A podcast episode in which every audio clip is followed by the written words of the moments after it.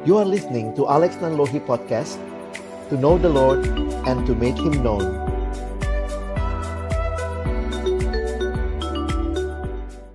Mari teman-teman sekalian, kita kembali berdoa sebelum kita membaca merenungkan firman Tuhan. Bapa di dalam surga kembali kami bersyukur Tuhan berikan kesegaran setelah istirahat. Kami boleh memuji, memuliakan namamu kembali dan tiba waktunya untuk kami kembali membuka firman-Mu. Bukalah juga hati kami. Jadikanlah hati kami seperti tanah yang baik supaya ketika benih firman Tuhan ditaburkan itu boleh sungguh-sungguh berakar, bertumbuh, dan juga berbuah nyata di dalam kehidupan kami. Berkati baik hambamu yang menyampaikan, setiap kami yang mendengar, juga Tuhan tolong diskusi di antara kami, makin menolong kami mendaratkan setiap kebenaran di dalam kehidupan kami. Bersabdalah ya Tuhan, kami sedia mendengarnya, dalam satu nama yang kudus, nama yang berkuasa, nama Tuhan kami Yesus Kristus. Kami menyerahkan pemberitaan firman-Mu. Amin. Shalom kembali Bapak Ibu Guru dan teman-teman sekalian. Senang kembali boleh sharing firman Tuhan dengan teman-teman sekalian.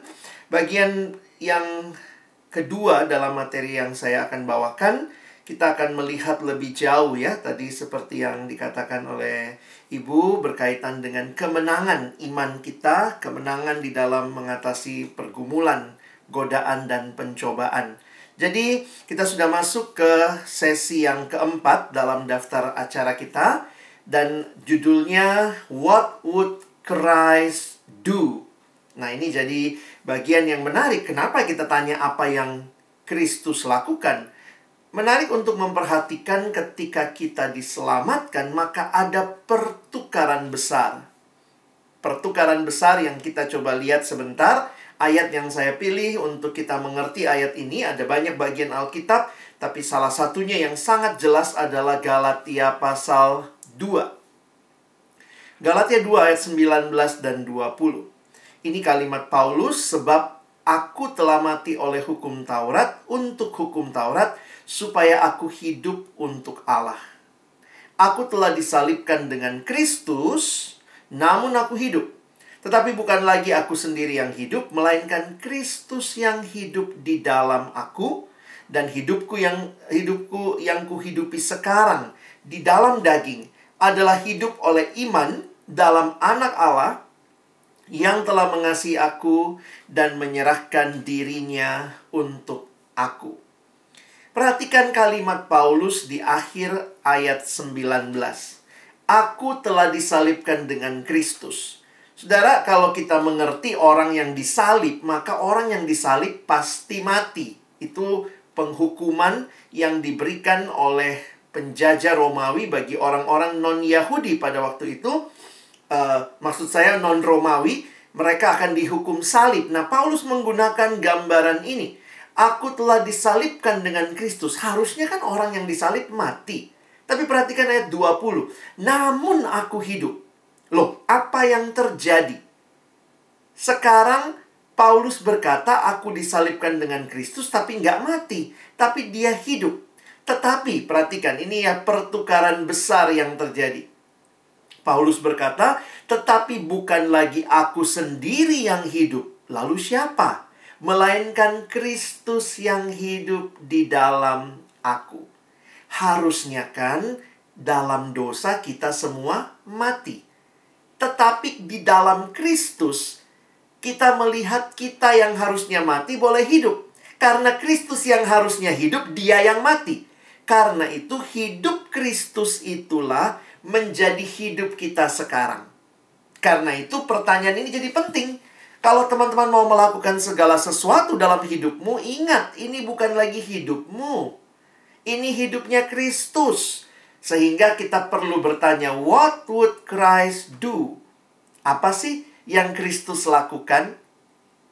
Nah, ini yang harus kita bawa dalam keseharian kita. Mengerti bahwa hidupku ini bukan lagi aku nih, tapi Kristus yang hidup di dalam aku. Jadi teman-teman yang dikasihi Tuhan, menarik sekali kekristenan ini bicara satu hal yang penting. Kekristenan bukan sekadar agama. Kak Alex senang dengan kutipan ini.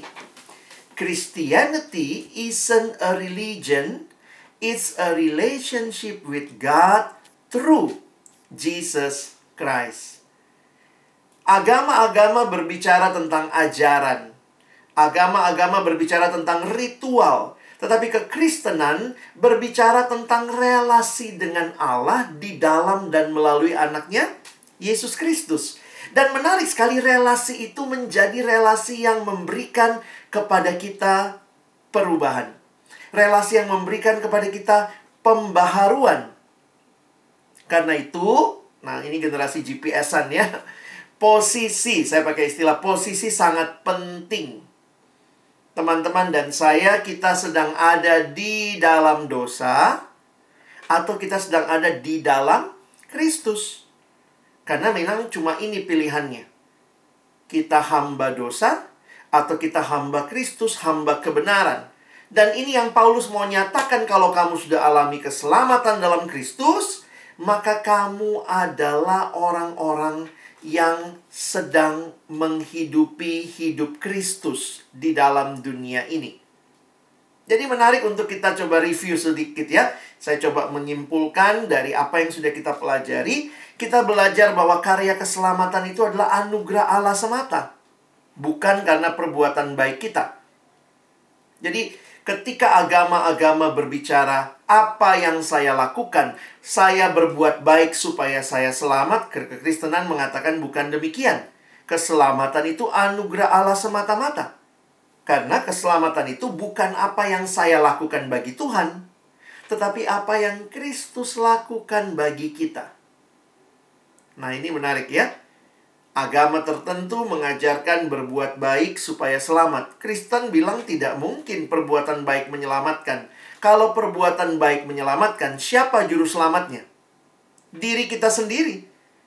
Tapi kekristenan berkata tidak. Natal menjadi satu penanda bahwa juru selamat itu datang. Karena kita nggak bisa nyelamatin diri kita sendiri. Jadi kita selamat bukan karena apa yang kita lakukan bagi Tuhan, tetapi apa yang Kristus lakukan bagi kita. Jadi kita selamat itu bukan karena kehidupan yang saleh yang kita lakukan, tapi kita diselamatkan untuk hidup yang saleh. Beda nggak? Oh, beda banget. Coba pahami kalimatnya. Kehidupan yang saleh bukan syarat keselamatan tetapi respon kalau sudah selamat. Karena hanya orang yang sudah diselamatkanlah yang bisa menghasilkan hidup yang saleh.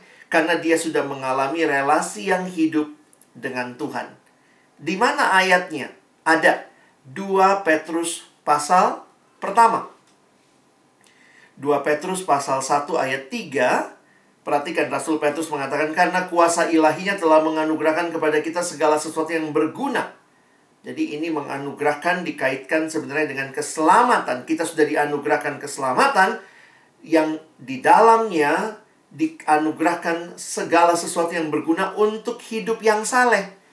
Jadi bukan diselamatkan karena hidup saleh, tapi untuk hidup yang saleh.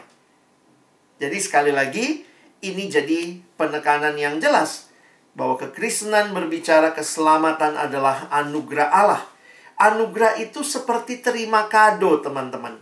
Kado itu ya kita mesti bayar nggak? Ada nggak orang terima kado terus dia bilang, saya bayar dong. Kalau teman-teman sudah membayar itu bukan kado lagi ya. Itu sudah beli. Tetapi keselamatan adalah anugerah, kado dari Allah. Tapi kado itu bagaimana? Kita terimanya gratis. Tapi, nah ini kalimat yang menarik Keselamatan sangat mahal harganya, tetapi diberikan secara cuma-cuma. Ayo renungkan sebentar. Saya senang dengan istilah keselamatan itu dapatnya kita gratis, tapi nggak gratisan. Kak Alex kasih contoh. Ada satu anak pengen banget mobil terbaru Ferrari misalnya gitu ya. Lalu kemudian dia mau nabung. Wah, dia nabung sehari 50 ribu. mau sampai kapan nabungnya ya? Lalu kemudian waktu dia ulang tahun, papanya kemudian yang kaya raya kasih Ferrari sama dia. Harga sekian M. Wah, dikasih. Ini mobil. Anggaplah misalnya harganya berapa? 50 M. Ini mobil buat kamu. Gratis, Pak? Iya, gratis. Saya bisa bayar berapa? Nggak usah. Tabungan saya, Allah nggak usah lah ya. Gratis buat kamu. Kamu terimanya gratis, mobil Ferrari dari papamu. Tapi apakah itu berarti gratisan? Tidak. Harganya tuh sangat mahal. Tapi siapa yang bayar harganya? Papamu. Jadi kalau orang mengatakan, ih enak banget ya jadi orang Kristen, selamatnya adalah karena anugerah Allah. Ingat, Kristus bayar harga yang sangat mahal untuk keselamatan kita. Kenapa saya akan bicara mulai dari sini? Karena hari ini kita mau bicara, dalam sesi ini kita mau bicara bagaimana menghadapi kehidupan, bagaimana bisa berkemenangan. Pertama, sadar dulu bahwa teman-teman dan saya menerima anugerah dari Tuhan. Keselamatan itu sumbernya dari Allah, bukan dari kita. Kalau sumbernya dari Allah, siapa yang jamin? Ya Allah. 100% digaransi oleh Allah. Jadi kalau ditanya apa dasar bagi jaminan keselamatan kita? Yang menjadi dasarnya jaminan keselamatan kita adalah Kristus sendiri.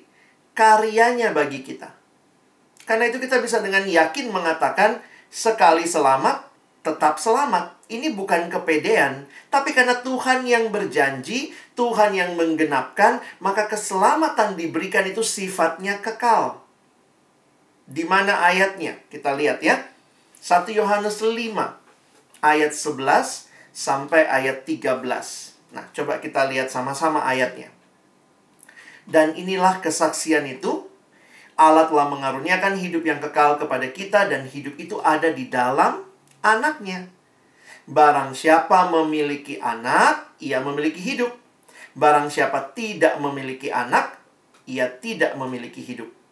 Semuanya itu kutuliskan kepada kamu supaya kamu percaya kepada nama anak Allah. Supaya kamu yang percaya kepada nama anak Allah tahu bahwa kamu memiliki hidup yang kekal. Jadi ini sebuah kepastian. Kenapa? Karena karya Tuhan. Kalau keselamatan karya kita, nah itu teman-teman boleh ragu ya. Karena kita kan karyanya nggak mungkin menyelamatkan diri kita sendiri. Tapi karena ini karya Allah yang diberikan kepada kita, kita terima dalam iman, maka kita tahu keselamatan itu sifatnya kekal. Perhatikan, Yesus sendiri berkata di Yohanes 10. Menarik sekali ayat ini ya. Yesus berkata, "Domba-dombaku mendengar suaraku, dan aku mengenal mereka, dan mereka mengikut aku. Aku memberikan hidup yang kekal kepada mereka, dan mereka pasti tidak akan binasa." Sampai kapan? Sampai selama-lamanya, dan seorang pun tidak akan merebut mereka dari tanganku. Bapakku yang memberikan mereka kepadaku lebih besar daripada siapa pun dan seorang pun tidak dapat merebut mereka dari tangan Bapa. Wah, ini keyakinan yang menarik buat kita ya, bahwa Tuhan menggenggam kita, tidak ada seorang pun yang bisa merebut kita dari tangan kasihnya. Nah, ini garansinya langsung dari Tuhan ya. Makanya kalau kita bicara keselamatan, kita bicara keselamatan yang kekal. Dulu, sekarang, yang akan datang. Jaminannya pasti. Wah. Nah, sampai sini mungkin, wah enak banget jadi orang Kristen ya. Jaminannya pasti. Betul, itu janji Tuhan. Tetapi yang menarik dari ayat yang kita baca tadi, masih ingat ya? Aku telah disalibkan dengan Kristus, kata Paulus. Tapi aku hidup. Nah, hidupnya ini sekarang bagaimana? Menarik sekali untuk memperhatikan. Kak Alex ajak kita lihat catatan Paulus di kitab Roma. Gimana Paulus mengerti hidupnya sekarang, ya? Nah, perhatikan ayat Roma 6 ayat 9 dan 10. Nanti kita lanjut lagi ayat 11. Perhatikan ya cara Paulus mengerti hidupnya. Karena kita tahu bahwa Kristus sesudah ia bangkit dari antara orang mati tidak mati lagi. Maut tidak berkuasa lagi atas dia. Sebab kematiannya, kematian siapa nih? Kristus. Kematiannya adalah kematian terhadap dosa satu kali dan untuk selama-lamanya. Tapi kan Yesus nggak mati terus, dia bangkit. Dan kehidupannya adalah kehidupan bagi Allah. Nah, teman-teman apa yang menarik? Paulus melihat hidupnya dengan Kristus itu menyatu, ya. Jadi kalau kita lihat seperti yang tadi Galatia bilang, sekarang Kristus di dalam aku. Nah, ini Paulus pakai pengertian bahwa dia dan Kristus mengalami hidup yang menyatu. Makanya penting sekali kamu di dalam Kristus nggak? Kalau kamu di dalam Kristus, bagaimana kehidupanmu? Maka kamu akan mengalami apa yang Kristus alami. Coba lihat Roma 6 ayat 11. Makanya Paulus bilang gini. Demikianlah hendaknya kamu memandangnya. Bahwa kamu telah mati bagi dosa, kan Kristus mati. Kita pun mati bagi dosa, tetapi kamu hidup bagi Allah. Kenapa? Kristus hidup. Jadi kesatuan dengan Kristus membawa kita menyadari apa yang terjadi pada Kristus itu terjadi pada kita. Wah, ini unik sekali dalam kekristenan diajarkan bukan cuma ajarannya Yesus, Kak Alex ngeliat kalau agama-agama lain selalu bicara ajaran, aturan, ritual. Tapi kekristenan bicara relasi dengan Kristus. Kalau kamu sudah menjadi satu dengan Kristus, kalau Kristus mati, maka kamu juga mati. Tetapi kamu mati terhadap dosa. Kalau Kristus bangkit, kamu juga bangkit. Sekarang kamu bukan lagi hidup bagi dosa, kamu bangkit, kamu hidup bagi Allah. Sekarang kamu punya hidup yang baru, orientasi hidup yang baru, nilai-nilai yang baru. Jadi kalau teman-teman perhatikan, bukan hanya kita percaya pada Kristus. Kekristenan sentralnya itu Yesus deh. Itu jelas banget. Kita mulai dari percaya pada Kristus, tapi kemudian perhatikan, tetap Yesus jadi utama. Karena kita sedang bertumbuh menjadi serupa dengan Kristus. Wah, jadi ini tujuan kehidupan kita jelas. Teman-teman dan saya yang sudah diselamatkan, kita menyatu dengan hidup dan matinya Kristus, berarti sekarang kita harus menjadi orang-orang yang makin hari makin hidup serupa dengan Kristus. Sudah ada yang nyampe belum? Nah, belum ya. Ini perjalanan seumur hidup. Jadi bukan hanya berhenti di sesi kemarin, sudah terima Yesus selesai. Tapi hari ini kita diingatkan. Kita butuh terus bertumbuh menjadi serupa dengan Kristus. Jaminannya apa? Jaminannya adalah Allah sendiri sudah memberikan keselamatan bagi kita dan itu pasti dan seorang pun tidak ada yang bisa merebut kita dari tangan Allah. Nah, muncul pertanyaan, bagaimana ya kalau dalam perjalanan itu saya kembali jatuh dalam dosa. Gimana dong Kak Alex? Kalau saya jatuh lagi dalam dosa, apa yang terjadi ya? Teman-teman saya ingin kasih ilustrasi sederhana begini. Sebenarnya cara kita mengerti sering kali kita tidak memahaminya dengan tepat karena kita pikir kalau kita jatuh lagi dalam dosa Tuhan buang kita. Sebenarnya di dalam Alkitab kita diingatkan tentang apa yang terjadi ketika seorang berdosa. Nanti kita lihat itu ya. Nah, saya kasih contoh begini. Kamu tinggal di rumah sama papa mamamu. Lalu di rumah itu ada vas bunga kesayangan mama. Mau mama sayang banget vas bunga itu. Nah, lalu satu waktu karena nggak boleh keluar-keluar di rumah mulu ah udahlah main bola dalam rumah cer main bola ya lagi demam piala apa nih ya piala rumahmu lah lalu kemudian waktu kamu main bola tanpa sadar kamu tendang bola itu kena vas bunga mama yang paling mama sayangi. Wah. Mungkin kamu udah ketakutan. Kamu mulai ngepak barang. Ya. Kamu mulai ngepakin koper. Waduh. Kayaknya gue diusir nih. Kayaknya gue diusir nih ya. Aduh, mama soalnya sayang banget sama vas bunga itu. Kayaknya mama lebih sayang dari gue dah. Oh, udah. Terus mama pas pulang, kamu sudah siap sama koper tertunduk. Lalu kemudian kamu bilang, "Ma, maaf." Apa maaf? Sebelum bilang maaf, mama lihat, ih, vas bunga pecah. Wah, udah marah mama ya. Kamu gini ya, segala macam diceramahin lah ya. Kamu nggak tahu vas bunga itu dulu dibawa sama engkongmu dari ini. Oh, oh panjang lah ceritanya. Vas bunga punya cerita, punya sejarah. Begitu pecah, huh, ini sangat mengesalkan tapi kemudian mama ngomong begini. Iya, vas bunga memang luar biasa. Sangat berharga. Tapi kamu lebih berharga. Kamu itu anak papa mama. Jadi status itu tidak bisa berubah. Kamu tetap anak papa dan mama. Jadi, teman-teman, mecahin vas bunga tidak merusak status karena tetap statusnya anak papa mama. Lalu yang rusak apa dong kak? Yang rusak itu relasi. Jadi takut sama papa mama. Jadi ngerasa bersalah. Jadi kalau kita mengingat hal ini, saya harap kita jelas ya. Sebagai anak Tuhan, kalau kita sudah di dalam Tuhan, ingat, berdosa lagi tidak merusak status kita di hadapan Tuhan. Namun, dosa merusak relasi kita dengan Tuhan. Nah, kalau demikian ada lagi yang bilang, ih enak dong.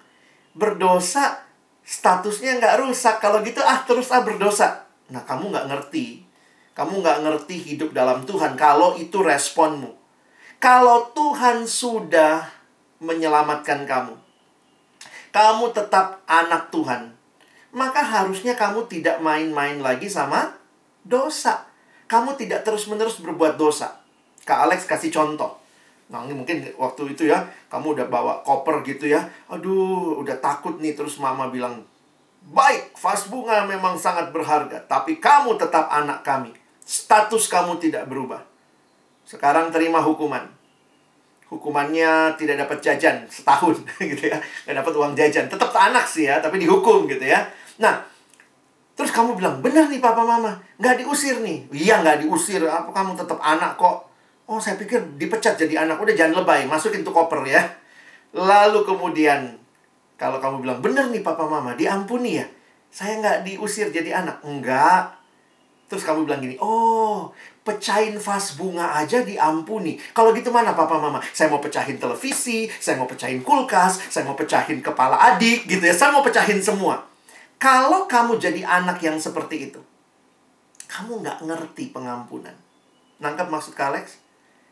Ada orang yang bertanya, enak banget orang Kristen ya, walaupun sudah berdosa, lalu tetap anak Tuhan. Iya benar, memang tetap anak Tuhan karena sekali anak Tuhan tetap anak Tuhan. Relasi tidak uh, status tidak berubah. Yang berubah atau yang terdampak tuh relasinya. Tapi kalau orang yang diampuni, lalu makin rajin berbuat dosa, uh, pecahin vas bunga diampuni. Kalau gitu sekarang mau pecahin televisi, mau pecahin kulkas, mau pecahin wastafel, berarti kamu nggak ngerti pengampunan. Karena orang yang sudah diampuni, harusnya punya tekad tidak lebih lagi merusak dan melakukan dosa. Tangkap ya?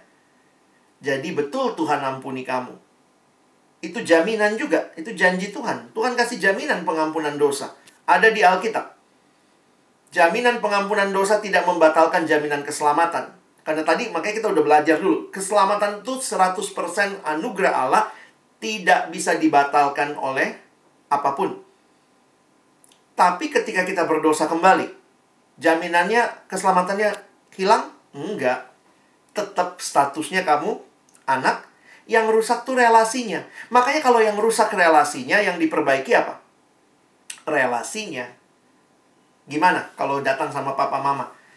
Ya datang aku maaf papa mama saya udah bersalah. Makanya di dalam Alkitab jaminan pengampunan dosa 1 Yohanes 1 ayat 9. Jika kita mengaku dosa kita, maka ia adalah setia dan adil.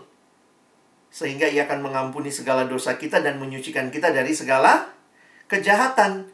Jadi apa sikap yang benar orang yang diampuni dosanya? Ingat ya, bukan keselamatannya yang hilang, keselamatannya tetap dia tetap anak Tuhan. Yang rusak itu relasinya. Kalau yang rusak relasinya, perbaiki relasinya. Cara memperbaiki relasi ini datang ngaku, ngaku dosa. Makanya sikap yang benar punya disiplin pengakuan dosa. Di gereja-gereja setiap hari Minggu biasanya ada kesempatan mengaku dosa. Mari kita mengakui dosa kita, lalu nanti ada yang berdoa. Itu bagian dari kita memperbaiki relasi dengan Tuhan karena kita tetap anak Tuhan dan disertai pertobatan yang sungguh-sungguh. Bukan cuma nyesel ya. Orang yang nyesel itu kadang-kadang cuman ya nangis nangis nangis eh berikutnya ngelakuin lagi. Bertobat itu berarti sungguh-sungguh mau berubah dan punya kerinduan untuk berserah taat sesuai dengan firman Tuhan. Jadi teman-teman bisa pahami ya. Sesudah selamat, kita tetap anak Tuhan. Kita harus bangun relasi dengan Tuhan.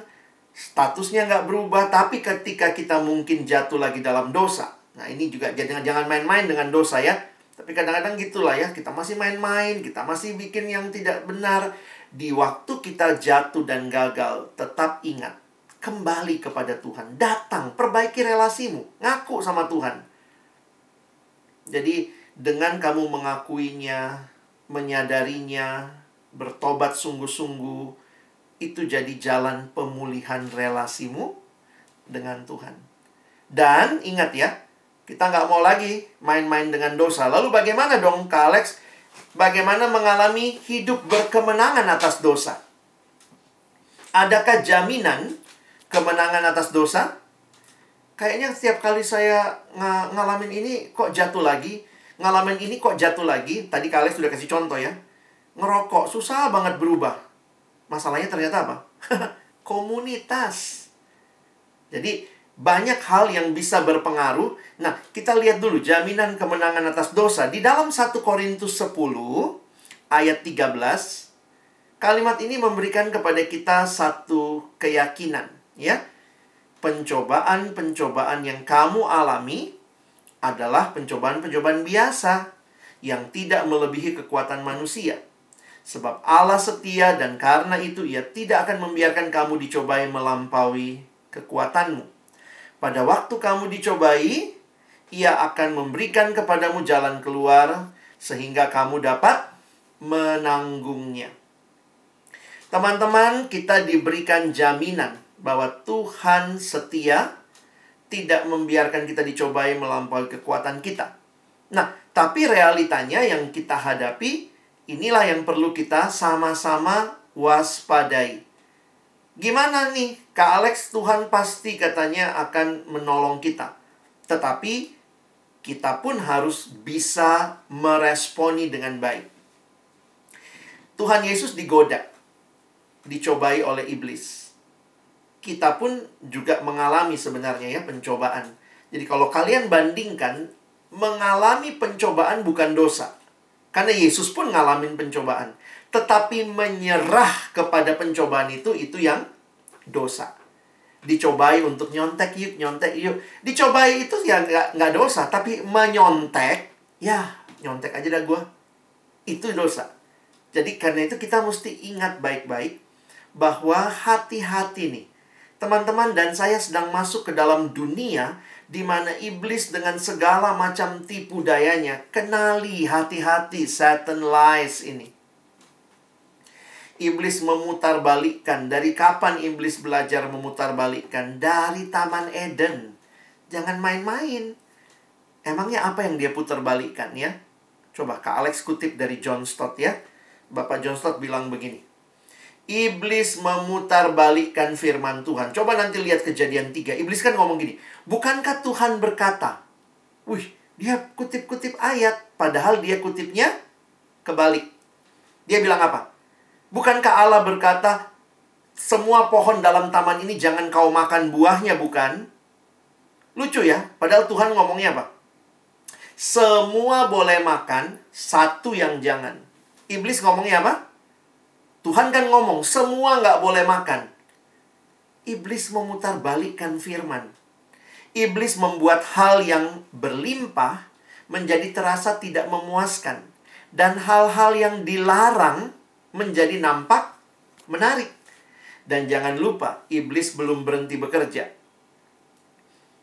Sampai sekarang, kata Bapak John Stott, salah satu kesibukan iblis adalah menjadikan hal-hal yang diizinkan Allah nampak membosankan. Dan hal-hal yang nampak yang dilarang tampak menarik. Wah, ayo baca Alkitab, ih bosen. Kebaktian, ih bosen ya Ayo dugem, ayo, ayo no, apa nonton film porno. Wih, kayaknya menarik tuh ya.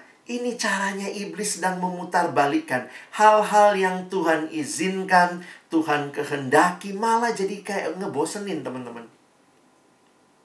Saya waktu menyadari hal ini berarti gimana ya caranya kita menang dalam pencobaan. Kenali tipu muslihat iblis, waspada. Ya, hati-hati. Hal yang nampaknya menarik belum tentu pasti dari Tuhan. Ingat itu. Dan hal-hal yang mungkin kau bilang bosan, sebenarnya itu yang kamu butuhkan. Anak kecil disuruh makan nasi atau coklat, kadang-kadang lebih mau milih coklat ya. Itu anak yang normal lah ya. Ini coklat sama nasi kalau punya adik kecil di rumah ya pasti pengennya coklat pengennya permen. Tapi orang tua yang normal tahu nih, anak gua butuh nasi. Dia butuh makanan yang sehat, dia butuh sayuran. Jadi kayaknya bosen, aduh nasi lagi, nasi lagi. Tapi itu yang kita butuhkan. Di sini saya jadi melihat penting juga teman-teman sadari apa kelemahanmu. Karena setiap kita punya kelemahan, punya kekuatan sering kali kelemahan kita ini juga menjadi sasaran empuk dari tipu muslihat iblis. Teman-teman mesti sadar. Kalau kamu lemahnya di mata, maka hati-hati, tontonanmu pilih. Jangan kemudian udah lemah di mata, nonton lagi. Sekarang soalnya gini teman-teman ya, apa yang kalian bisa saksikan termasuk di Netflix banyak yang nggak disensor. Mau gimana? Mau bilang nggak boleh make, buktinya kamu make. Banyak yang bisa download dengan berbagai macam cara. Nah, di sini kita mesti sadar kelemahan kita. Kalau ternyata romantisme-romantisme itu membuat kita berhayal terlalu jauh, mikir terlalu jauh, maka kita bilang tidak. Tonton film sesuai dengan batas umurmu. Nah, itu pun tetap mesti waspada. Saya jujur aja untuk nolong generasi ini, teman-teman nggak gampang. Saya harus katakan nggak mudah banyak dari kita nggak sadar kelemahan diri. Udah tahu nih, gue kalau main game susah berhenti kok. Ya udah, kalau gitu batasin. Pas misalnya waktunya, stop, stop. Jadi jangan membawa diri ke dalam pencobaan. Kita suka doa, Tuhan, jauhkan kami dari pencobaan. Tapi kita sendiri membawa diri kita berjalan kepada pencobaan. Sadar diri. Kadang-kadang kalau udah binge watching tuh satu malam 2-3 episode bisa selesai gitu ya. Kadang-kadang kita mesti sadar nih. Jangan sampai hal-hal itu membuat kita jadi nggak bisa atur waktu untuk belajar. Besok paginya ngantuk waktu kita belajar online. Jadi teman-teman sadari. Kadang-kadang jangan salahkan pencobaannya saja. Ya, habis iya sih, habis saya dicobai gitu ya. Habis filmnya bagus-bagus sih. Habis kita sering kali menyalahkan yang di luar diri kita. Padahal masalah utamanya bukan di luar sana, di dalam sini. Kemenangan atas dosa Tuhan sudah kasih kekuatan. Dan bagaimana pilihan-pilihanmu itu pun menolong kamu tidak terjebak di dalam dosa. Kalek senang dengan kalimat dari Bapak Reformasi, Reformator, Martin Luther. Perhatikan kalimatnya, Martin Luther pas banget nih kalimatnya.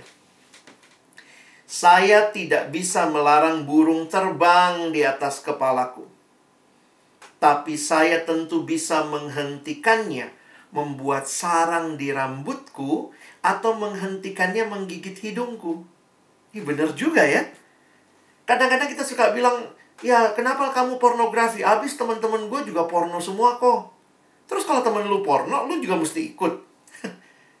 kita nggak bisa larang gitu ya orang lain ya. Tentu kita bisa nasehati, tapi semua pada pilihannya dia. Teman-teman nggak bisa melarang burung terbang di atas kepala.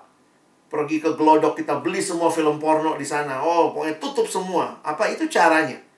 Kadang-kadang kita habis kita bayar duit, eh diproduksi lagi film pornonya yang lebih banyak. Kita nggak bisa melarang semua di sekitar kita. Tapi yang bisa kita lakukan adalah hentikan, jangan bikin sarang di rambut kita. Jadi jangan sampai dipanggil-panggil lagi ya. Sini, ayo, sini, menetap di rambutku ya. Enggak. Jadi dalam banyak hal saya melihat sebelum kita berbicara pencobaannya lebih jauh, apakah kamu juga dalam menyikapi kehidupan, kamu benar-benar sedang memilih yang tepat, tidak membawa dirimu ke dalam pencobaan. Jadi sekali lagi ya, jangan salahkan yang di luar sana. Apakah ada pengaruh yang di luar? Ada, tapi bukan itu yang menjadi keputusan terakhir. Keputusan terakhir ada di siapa? Ada di kita.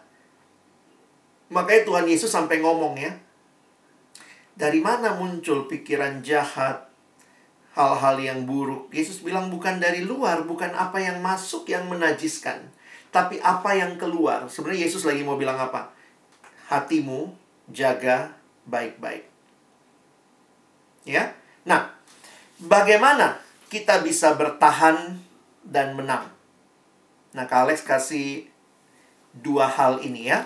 Sumber kemenangan kita.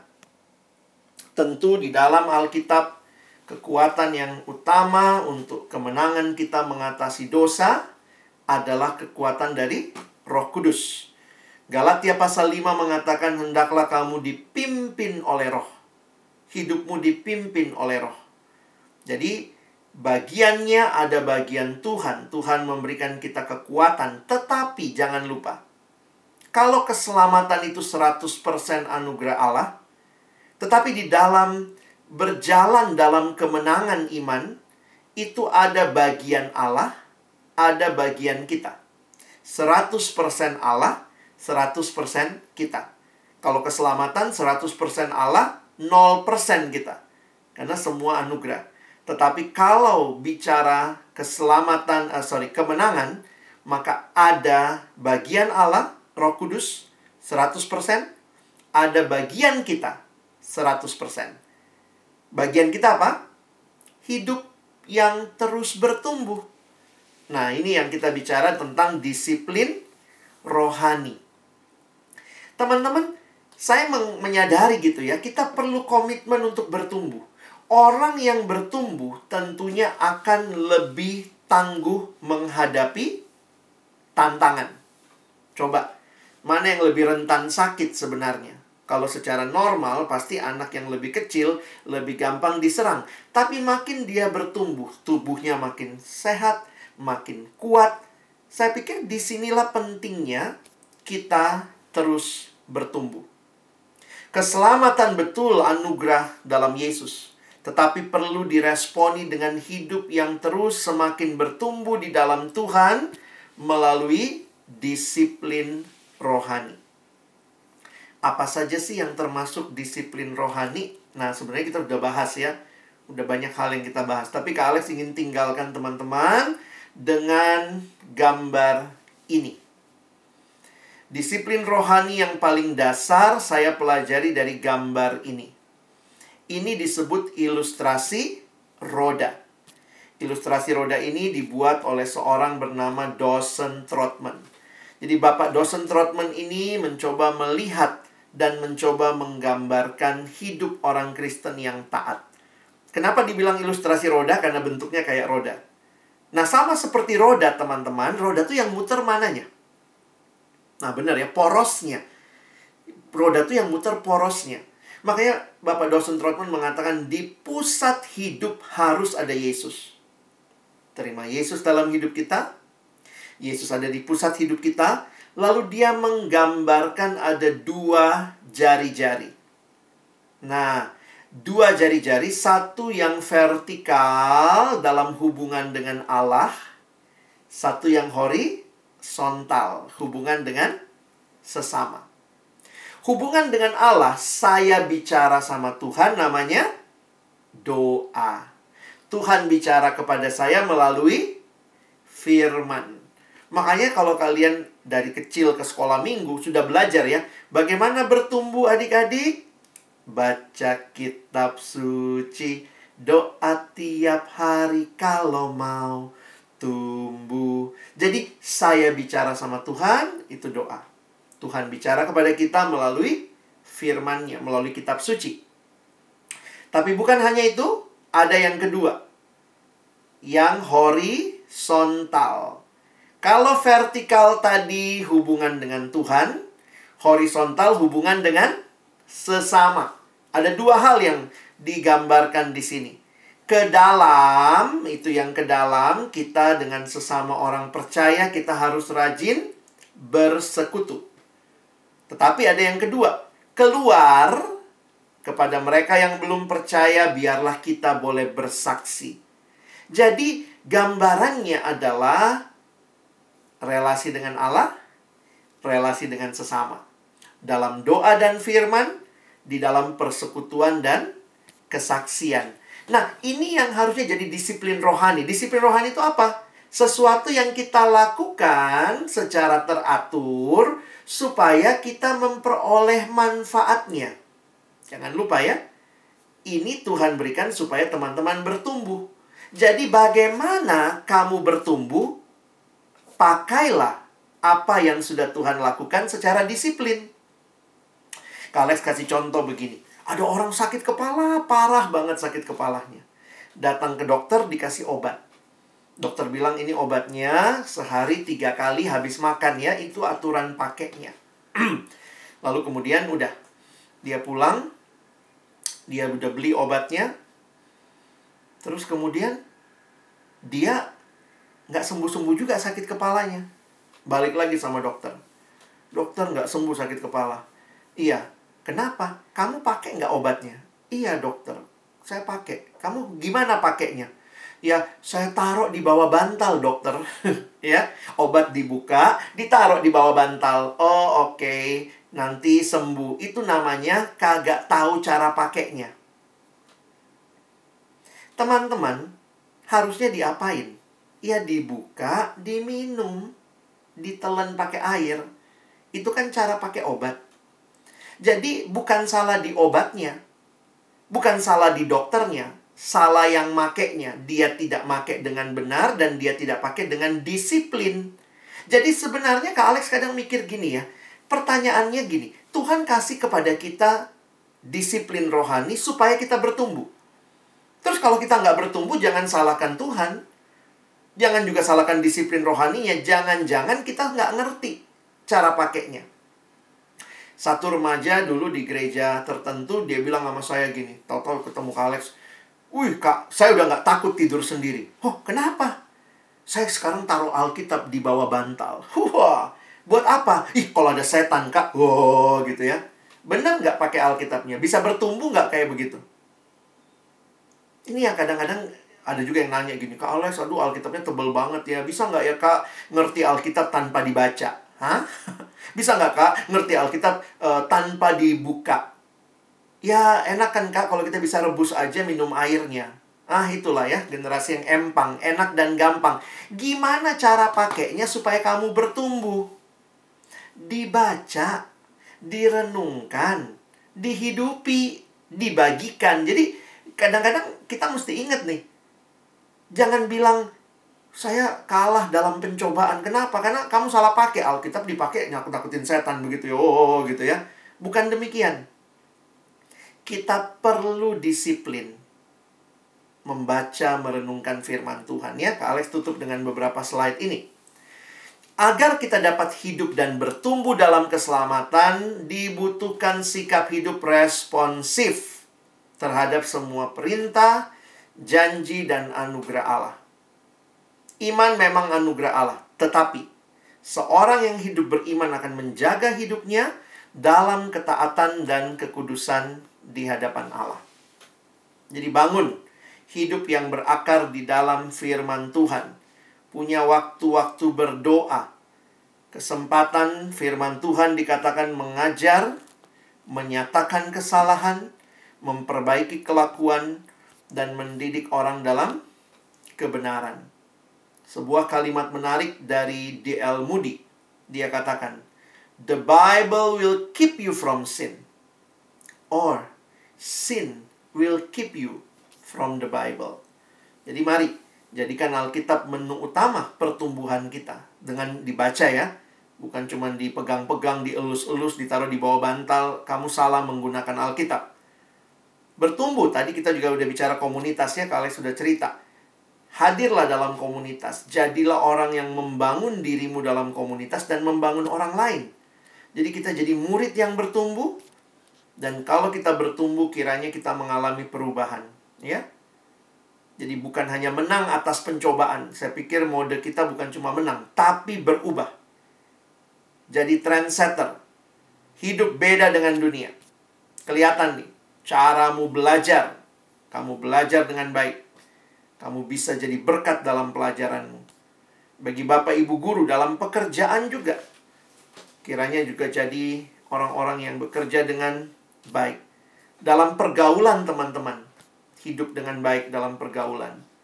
Jangan jadikan pergaulan yang mempermalukan Tuhan. Tapi pergaulan yang mempermuliakan Tuhan. Kalau kalian sudah masuk dalam relasi-relasi, relationship, dalam relasimu juga muliakan Tuhan. Dalam kekudusan, through love waits. Dan nanti sampai akhirnya dalam hidupmu rumah tangga juga. Kiranya teman-teman terus memuliakan Tuhan. Jadi hidup kita bukan berakhir di retret ini ya. Wah udah selesai retret, dua hari, semua sesi udah dapat. Saya udah terima Yesus kak, wah sekarang saya udah tahu. Tapi perjalanan yang sesungguhnya dimulai ketika teman-teman melakukan semua yang sudah kalian dengar. Maukah kalian hidup di dalam Tuhan? Kalau kalian mau hidup dalam Tuhan, tantangan pasti ada. Tapi Tuhan berjanji, "Engkau milikku, aku pegang kamu." Kalau aku gagal gimana Tuhan? Bangkit lagi. Datang kepada Tuhan. Akui dosa kita. Tapi kemudian alami kemenangan Ya. Kemenangan Tuhan sudah kasih. Rohnya yang kudus diam di hati setiap kita yang percaya. Ayo terus bertumbuh. Firman Tuhan menolong kita tidak memilih jalan yang salah. Dan komunitas menolong kita bertumbuh untuk jadi pemenang-pemenang. Tuhan menolong kita jadi pelaku-pelaku firman-Nya. Amin.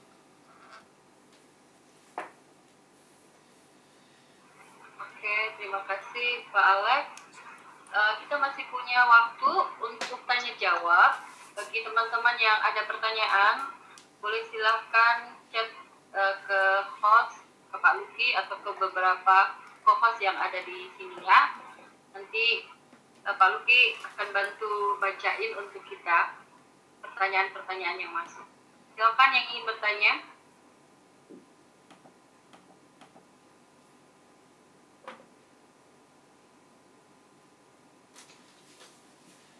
masuk ke saya. Pak, saya mau nanya, yeah. kalau mau baca Alkitab tapi tidak mengerti itu gimana ya? Hmm. Ya, kita mesti mengerti Alkitab punya dua sifat. Sifat pertama ada sifat historisnya, diberikan di dalam sebuah kebudayaan di waktu tertentu di masa yang lampau. Tapi yang kedua, Alkitab sifatnya kekal karena itu adalah firman Allah. Jadi bukan hanya berlaku dulu buat orang Israel, tetapi juga buat kita. Nah, bagaimana nih? Satu sisi sifatnya historis sementara ke, uh, tapi di sisi lain juga sifatnya kekal. Nah, di dalam dua ketegangan ini jawabannya adalah teman-teman belajar untuk membaca Alkitab dengan tepat Bagaimana caranya? Teman-teman bisa menggunakan renungan-renungan yang menolong kamu memahami firman Tuhan atau yang kedua juga Pak Alex ingin uh, Kak Alex ingin teman-teman memahami ada terjemahan-terjemahan Alkitab seperti yang tadi Kak Alex pakai. BIMK misalnya. Itu semua di googling ada ya bahasa Indonesia masa kini. Nah, itu bisa menolong teman-teman karena bahasa Indonesia masa kini berusaha menjembatani apa yang disampaikan yang kadang-kadang ini agak rumit. Apa ya maksudnya ya? Nah, dia berusaha menerjemahkan untuk pemahaman konteks masa kini.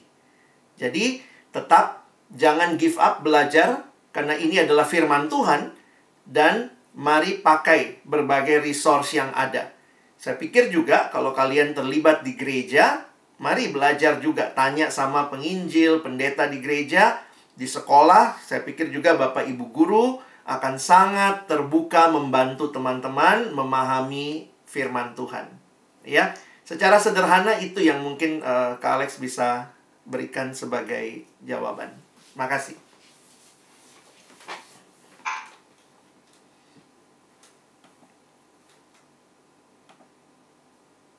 Oke, terima kasih Pak Alex. Uh, Bu Ines mau baca dulu? Ada? Kalau di saya ada satu lagi. Uh, saya nggak ada. Oke, uh, bagaimana caranya bersaksi dengan orang yang belum percaya di situasi online gini? Hmm. Sedangkan orangnya juga belum begitu dekat dan terbuka. Makasih Pak. Iya. Ya tentu memang ada keterbatasan bersaksi dalam situasi online tapi juga bagi saya jadi menarik begini ya.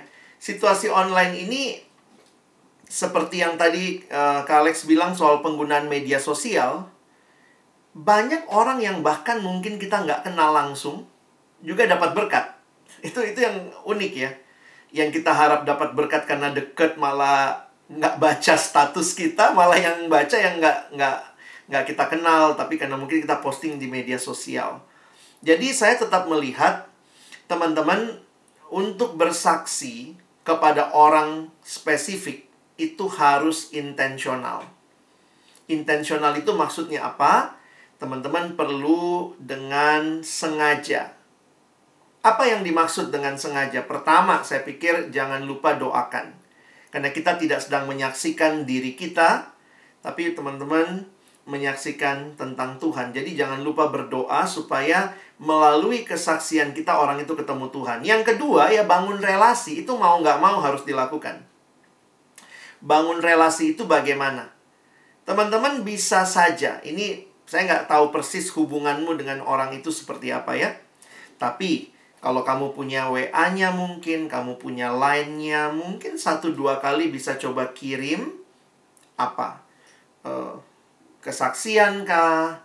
atau mungkin kutipan atau apa. Lalu kemudian mungkin bisa mulai dengan bertanya, apa yang bisa saya doakan?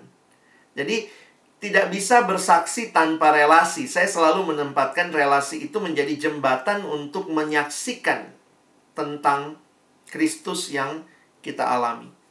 Jadi dalam situasi online tetap bangun relasi, ya, bangun relasinya pakailah kirim sesuatu, respon. Nggak selamanya langsung kirim, oh Tuhan Yesus kamu kalau nggak percaya Yesus mati masuk neraka. Gak ya. Tapi kita menyaksikan, hari ini aku bersyukur Tuhan tolong keluargaku.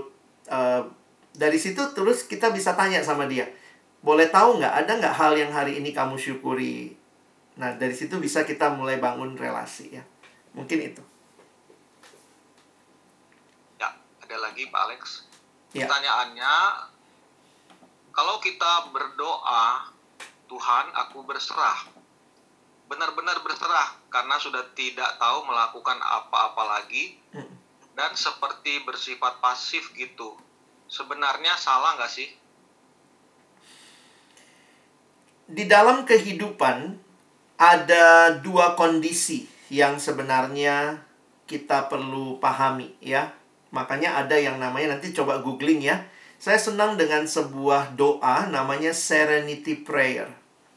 Doa mohon kebijaksanaan Serenity Prayer. Doanya sederhana begini.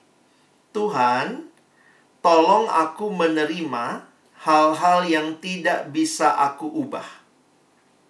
Yang kedua, Tuhan, tolong aku mengubah hal-hal yang bisa aku ubah. Dan yang ketiga, Tuhan berikan aku hikmat untuk membedakan keduanya. Nah, saya harus ingatkan buat teman-teman, di dalam kehidupan ada hal-hal yang memang given. Tidak bisa kita ubah. Sudah begitu adanya. Nah, di dalam situasi-situasi yang given ini, maka sikap kita adalah menerima. Mungkin itu yang bahasanya tadi pasrah.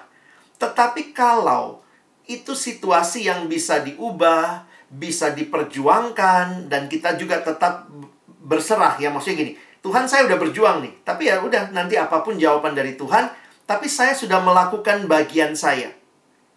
Nah saya melihat teman-teman mesti pahami dulu situasinya. Ini situasi yang bisa diubah atau tidak bisa diubah?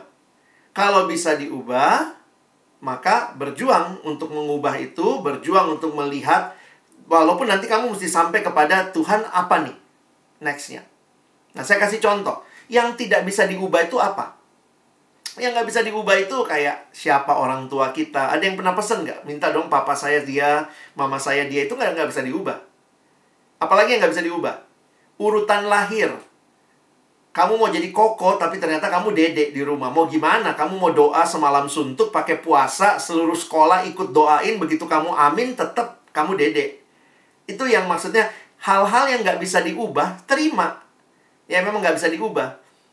Pasrah. Tapi kalau itu bisa diubah, misalnya orang yang sakit, keluarga kita sakit, sebenarnya ada yang nanya, gimana tepatnya saya berdoa? Dokter sudah angkat tangan segala macam.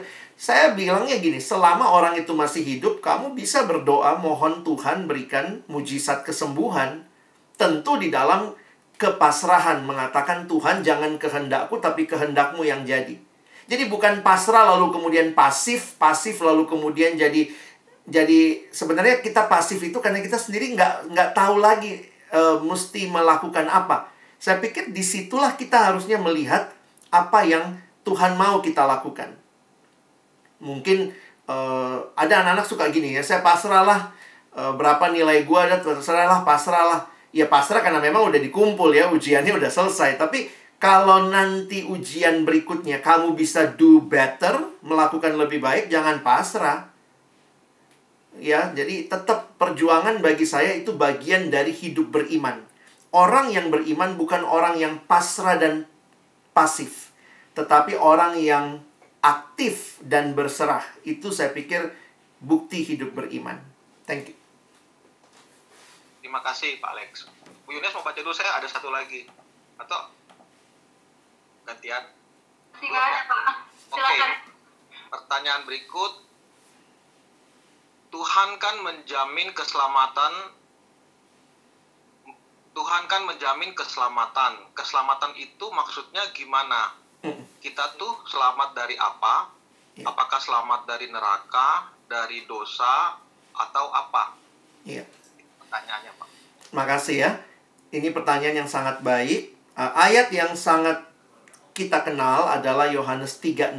Saya pikir di situlah jawaban yang bisa saya berikan bahwa semua kehidupan punya punya ceritanya ya. Dan cerita akhir dari hidup yang berdosa, teman-teman sudah dengar kemarin ya, bahwa manusia berdosa upahnya adalah maut.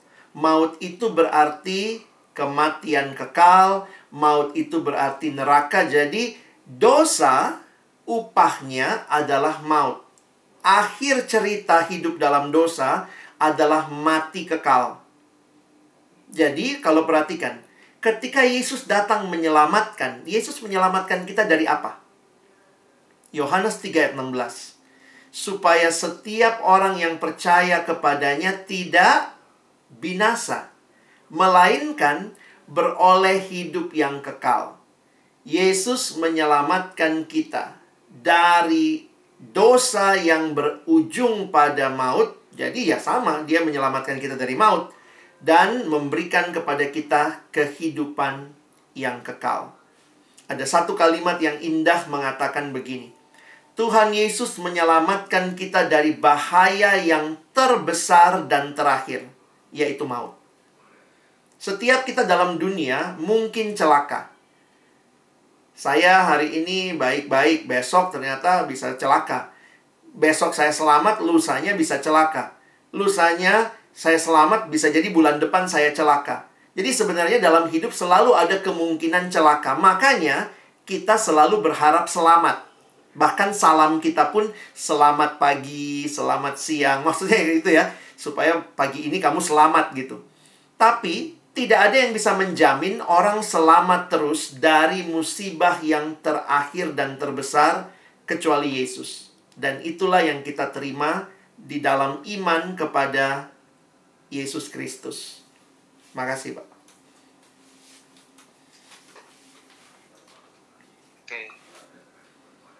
saya sudah tidak ada. Oke. Terima kasih, Luki. Saya juga tidak ada yang bertanya. Baik. Kayaknya sudah cukup jelas, cukup, Pak. ya. Thank you. Mungkin saya terakhir, Pak Alex. Iya, Pak. Nah, ini kan uh, kalau saya sih dulu yang main game juga susah itu sudah ediksi itu setengah mati melepas. Iya. nah, gimana nih anak-anak ada tips nggak Pak Alex yang bergumul nih melawan mungkin sesuatu tadinya ini yang nggak dosa yang main game itu ya memang games aja tapi hmm. akhirnya jadi kebiasaan yang berdosa jadi malas atau mem, me, apa namanya mengesampingkan hal yang jadi prioritas misalnya yeah. hal-hal yang baik baik pak uh, ini memang pergumulan yang luar biasa sekarang ya saya akhirnya melihat begini hal-hal baik yang tidak dipakai dengan tepat seperti yang Pak Luki bilang tadi ya main game kan sebenarnya baik aja ya. Apalagi gamenya kalau memang ya mungkin itu di situ skill kita jadi terasa kepekaan kesigapan. Banyak game yang bagus kok. Jadi tidak salah dengan main game. Tidak salah nonton drama Korea. Ada drama-drama yang bagus ceritanya termasuk juga kalau sesuai dengan umurmu tidak ada yang salah di situ. Yang salah adalah ketika hal-hal baik yang sebenarnya mungkin untuk relaksasi kita, game itu kan untuk rekreasi kita, untuk hiburan kita, menjadi segalanya. Menggantikan tugas utama kita, melalaikan tugas utama kita. Termasuk generasi ini juga dengan belanja. Belanja itu jadi semacam kecanduan juga sekarang ya. Beberapa orang beli barang, kenapa beli itu? Ih, habis lucu. Hah? Beli barang bukan karena kegunaan tapi karena lucu. Jadi habis dibeli kamu ketawa-ketawa hihihi gitu ya. Tapi karena gampang banget tinggal klik gitu. Jadi ini generasi yang sedang bingung ya.